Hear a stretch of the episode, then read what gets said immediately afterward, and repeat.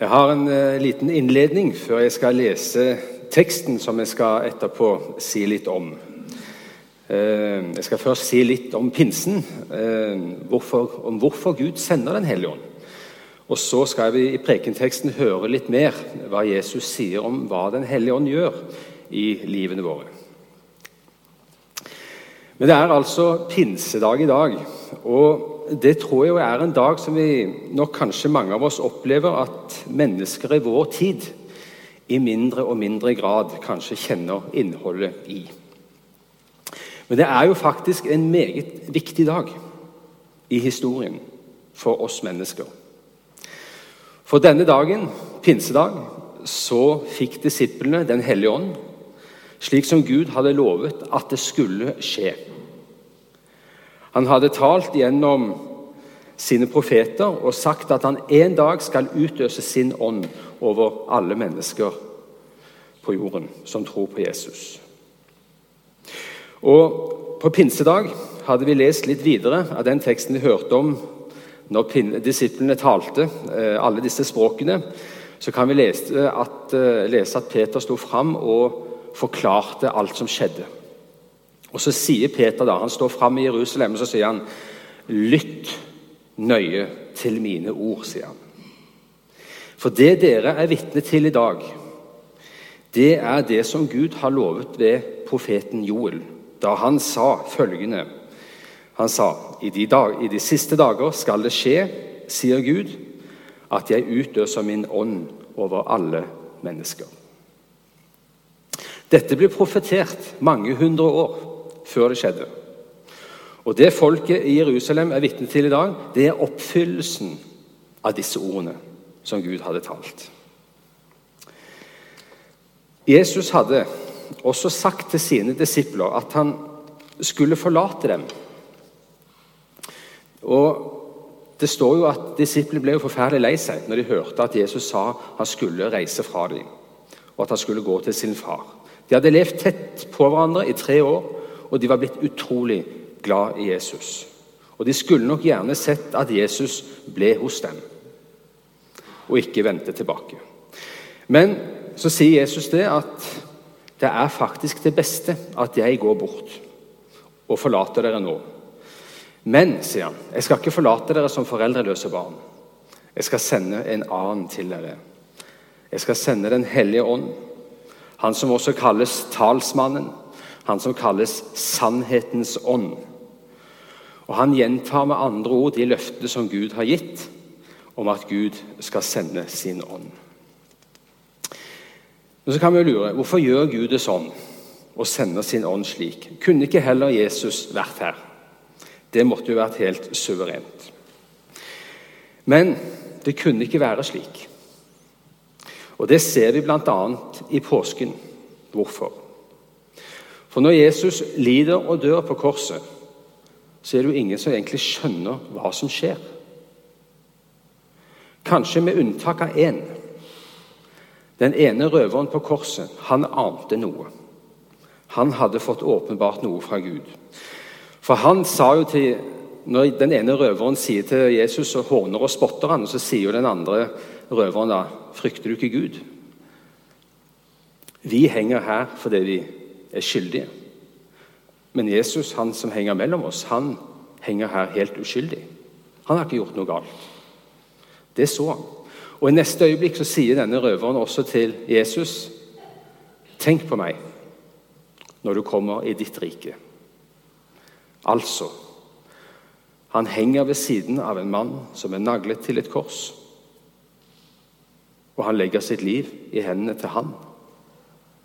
Med andre ord, han skjønte at det var ikke slutten for Jesus når han hang der.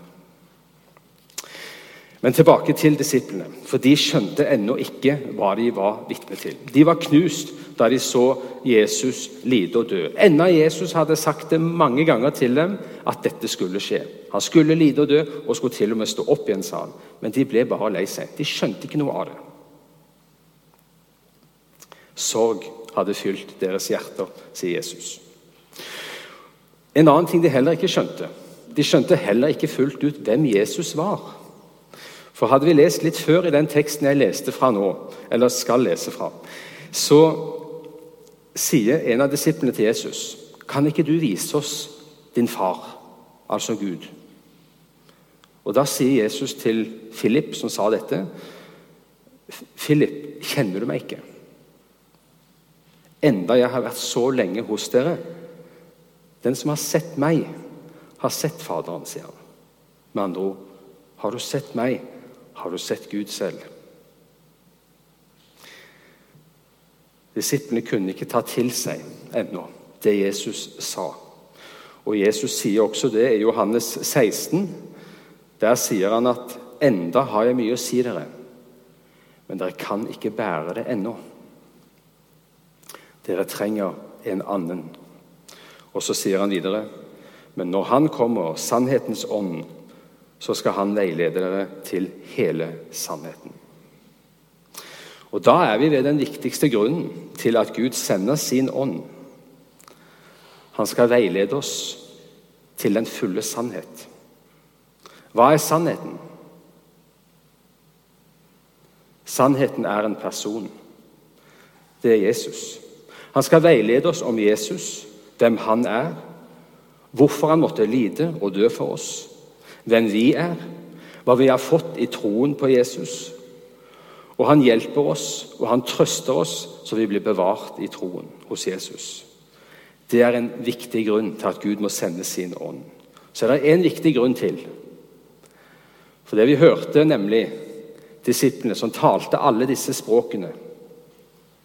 Og hva betød det? Jo, det betød at nå skal evangeliet ut til hele verden, til alle mennesker. Nå var det ikke lenger bare Israel som det utvalgte folk som skulle høre Guds røst og Guds frelse. Nå skulle frelsen ut til alle mennesker. Alle mennesker skulle få høre om Guds storverk. Det var en liten innledning, og nå skal vi høre dagens tekst. Og da reiser vi oss så vi kvikner til. Og Dagens tekst den står skrevet hos eh, evangelisten Johannes i det 14. kapittel, vers 23-29. Jesus svarte, 'Den som elsker meg, vil holde fast på mitt ord, og min far skal elske ham, og vi skal komme og bo hos ham.' 'Den som ikke elsker meg, holder ikke fast på mine ord.' 'Det ordet dere hører, er ikke fra meg, men fra Far, Han som har sendt meg.' Dette har jeg sagt dere mens jeg ennå er hos dere. Men talsmannen, Den hellige ånd, som Far skal sende i mitt navn, han skal lære dere alt og minne dere om alt det jeg har sagt dere. Fred etterlater jeg dere. Min fred gir jeg dere. Ikke den fred som verden gir. La ikke hjertet bli grepet av angst og motløshet dere hørte at jeg sa, 'Jeg går bort, og jeg kommer til dere igjen.' Hvis dere elsket meg, var dere glade for at jeg går til far. For far er større enn jeg. Nå har jeg sagt dere dette før det skjer, for at dere skal tro når det skjer. Slik lyder Herrens ord.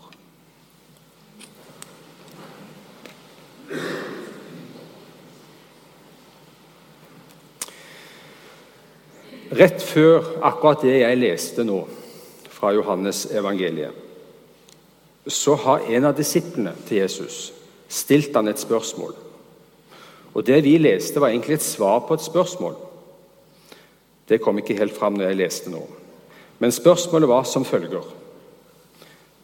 Herre, hvorfor skal du åpenbare deg for oss og ikke for verden? spør en av Jesu disipler. Hvorfor skal du åpenbare det for oss, men ikke for verden? Og Til det så svarer Jesus det vi leste. Han sier, 'Den som elsker meg, vil holde fast på mitt ord.' 'Og min far skal elske ham, og vi skal komme og bo hos ham.'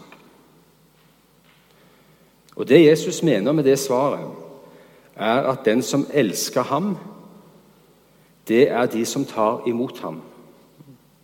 Og de vil også ta vare på hans ord og det han har sagt. Og Det fører til at Jesus og hans far bor hos dem ved Den hellige ånd. Og Den hellige ånd skal forklare for ham og åpenbare for ham henne hvem Jesus er. Så sier Jesus videre at den som ikke elsker meg, holder ikke fast på mine ord. Med andre ord tar ikke imot meg, eller tar ikke imot Jesus. Og i ham vil heller ikke Den hellige ånd komme og bo. Heller ikke Jesus og hans far. Og dermed vil heller ikke Jesus bli forklart for dem.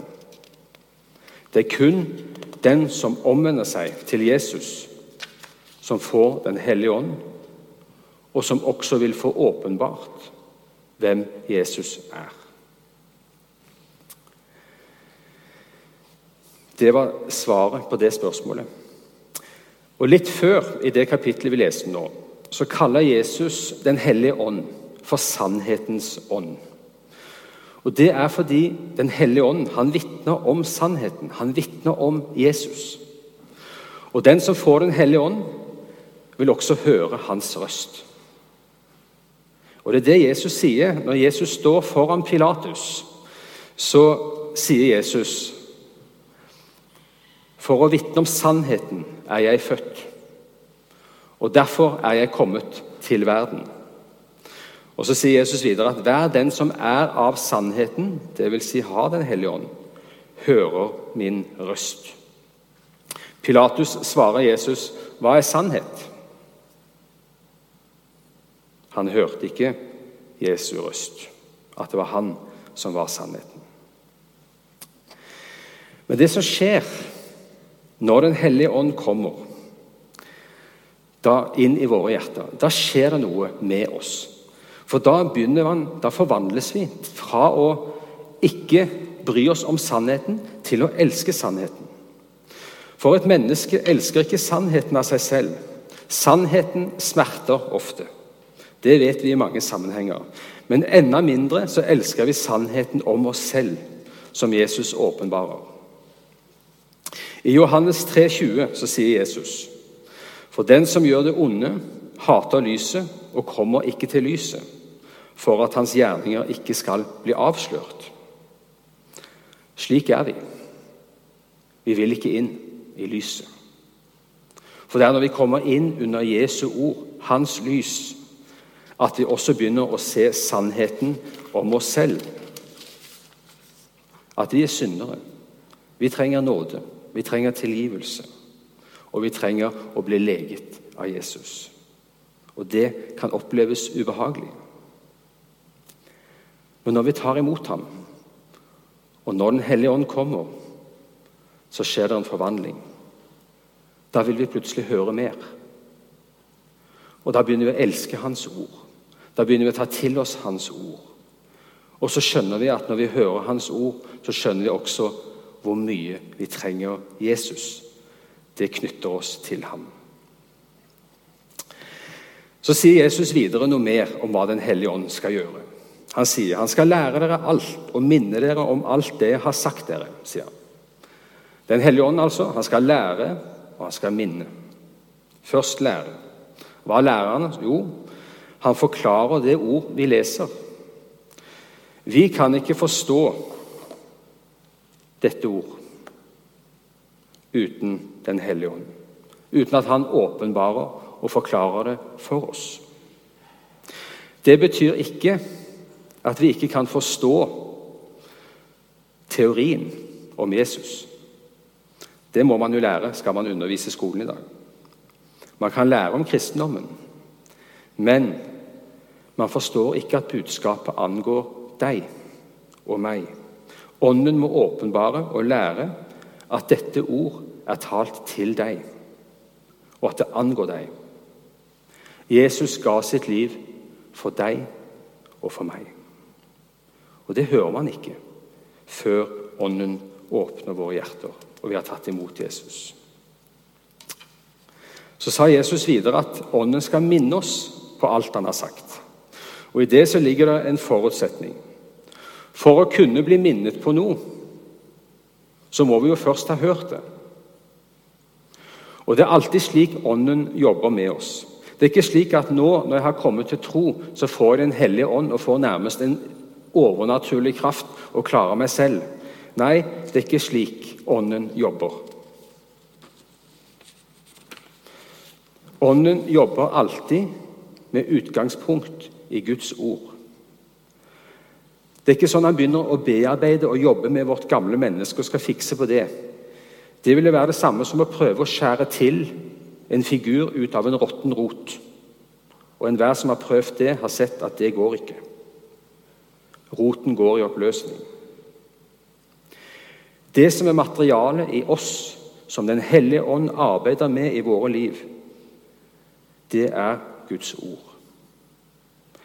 Det materialet som Ånden jobber med, er Ordet. Han veileder oss og bygger oss opp til nye mennesker. For Guds ord er et levende ord som er virkekraftig. Og dette ord er jo Jesus selv. Det er ham vi hører, det er ham vi tar til oss. Ja, vi spiser ham, og vi drikker ham. Og Derfor er det jo så viktig å høre og lese Guds ord. For det er det som er byggesteinene i vårt liv.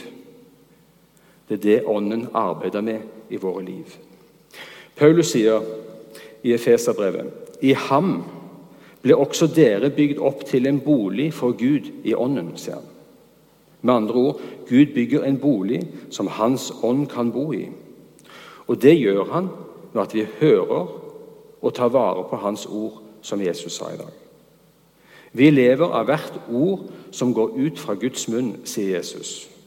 Hans ord er mat. Og når vi tar til oss Hans ord, så vokser vi. Det vil si, Jesus vokser i våre liv. Vi vokser til en bolig for Gud. Det var det døperen Johannes så så klokkeklart når han sier 'Han skal vokse', altså Jesus, 'jeg skal avta' så ser vi ikke dette nå. Vi har bare Ordet som har fortalt oss dette, og vi tror det. Så sier Paulus at den dagen Jesus kommer igjen, da skal det åpenbares hva vi er nå. Det som vi ikke ser med våre øyne for øyeblikket. Det er mange forestillinger om Den hellige ånd. Og Mange tenker at dette er en kraft nærmest man blir i besittelse av. at nå får jeg noe ny power her. Men slik må vi vokte oss for å tenke. Den hellige ånd er ikke en upersonlig kraft som Gud gir oss. Men det er den allmektige Gud selv som kommer og tar bolig i oss ved sin ånd. Og Derfor skal vi ha dyp respekt for akkurat det, sier Paulus. Vi har i bibeltimene snakket litt om dette når vi har gått gjennom Filippabrevet. For Paulus sier i Filippabrevet at han sier 'arbeid på deres frelse med respekt og ærefrykt'. sier han. I den gamle oversettelsen tror jeg det sto 'med frykt og beven'. Men grunnen til det, sier Paulus, er at vi skal ha respekt og ærefrykt. Det er rett og slett fordi det er Gud som virker i oss. Med andre ord, det er Den hellige ånd som bor i oss. Det er ikke hvem som helst som bor i oss. Vi har ikke en kraft i oss som vi forføyer over oss selv. Nei, Den hellige ånd er en person, og han arbeider med oss slik han mener er til beste for oss.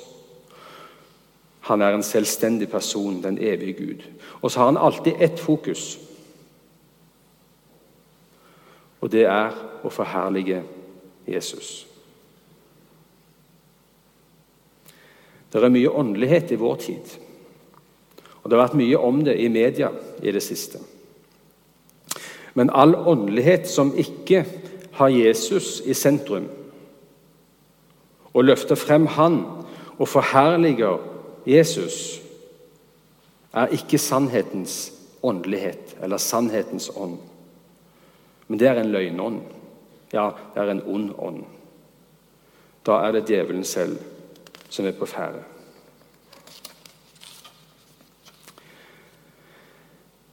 Så sa Jesus videre i teksten vår i dag.: Fred etterlater jeg dere. Min fred gir jeg dere. Ikke den fred som verden gir. Jesus har etterlatt en fred. Det kan høres litt underlig ut for oss med alt det som skjer i verden. Men han sier jo det er jo ikke en fred som verden gir, som Jesus har gitt. Denne verden arbeider for fred i verden mellom nasjoner og folkeslag og mennesker. Og det er bra. Men det er jo ikke en fred som varer, og som gir fremtid og håp. Den fred som menneskene kan skape, er bare kortvarig og midlertidig før freden bryter sammen igjen og det kommer en eller annen og ødelegger. Jesus har skapt en evig fred, ikke på jorden, mellom mennesker, mellom nasjoner. Men han har skapt en evig fred mellom Gud og oss. Den viktigste freden. For vi mennesker var nemlig Guds fiender. Det sier Bibelen. Menneskene hater Gud og vil ikke ha noe med han å gjøre, står det i Skriften. Men selv om menneskene hater ham og fornekter han, så elsker Gud oss med en ufattelig kjærlighet. Paulus sier Gud viser sin kjærlighet til oss ved at Jesus døde for oss mens vi enda var syndere. Og Så sier han videre at mens vi enda var fiender, så ble vi forsonet med ham, med Gud, ved hans sønns død. Altså, ved at Jesus lider og dør, så forsoner Gud verden med seg, slik at han ikke lenger tilregner all den ondskap og elendighet som menneskene gjør. Han har opphevet fiendskapet mellom Gud og menneskene. Det er jo nesten ikke til å tro. Men det er det Bibelen kaller forsoningen. Og Det betyr at all synd, all, all uh, ugudelighet, holdt på å si, all ondskap, alt fælt som er gjort av mennesker, alt er gjort opp for. Han har gjort opp alt. Når det er en synd som står igjen, og som Jesus sier, som Ånden skal åpenbare Han skal åpenbare hva som er synd. Og hva er synden nå? Jo, sier Jesus, det er at vi ikke tror på ham. Da blir vi værende i vår synd, men når vi har Jesus, så er alt gjort opp. Jesus har gjort opp alt for sine fiender. Han ga sitt liv for dem. Han gjorde det som han lærte oss å gjøre, å elske våre fiender. Vi er ikke lenger fiender, for Jesus sier 'Fred etterlater jeg dere, min fred gir jeg dere'. Og det er en fred som verden ikke kan gi. Og så sier Paulus, tenk når Jesus gir sitt liv, hva Gud gjør mens vi er hans fiender. Hva har vi ikke nå i vente, når vi nå er forsonet med Gud og har fred med Gud? Vi kan ikke forestille oss hva Gud vil velsigne oss og gi oss når han nå har skapt fred mellom oss. Gud rekker fram sin hånd, og han sier til enhver av oss.: Ta imot. Se hva jeg har gjort for deg. Ta imot min sønn, som jeg har sendt til dere for å frelse dere. Og dere skal få tilgivelse for all deres synd, og jeg skal lege deres sår. Jeg skal tørke bort hver tåre fra ditt øye. Jeg skal gi deg liv. Jeg skal gi deg fremtid. Jeg skal gi deg håp. Med meg som har skapt deg, jeg som formet deg i mors liv på underfullt vis.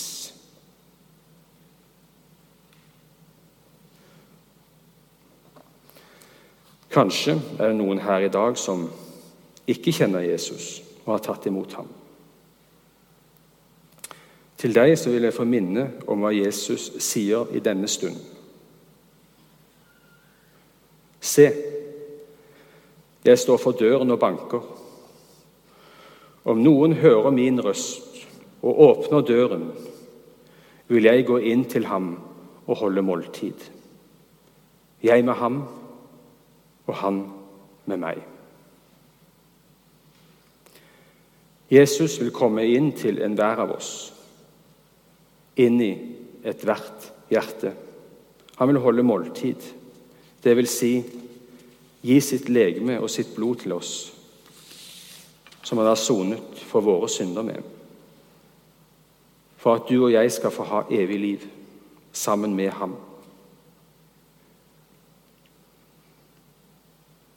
Men Jesus banker på. Han tvinger seg ikke på. Han bryter ikke opp døren. Han banker på. For kjærligheten, den tvinger ingen. Jesus elsker oss, og han har kun ett ønske. Og det er å bli elsket tilbake.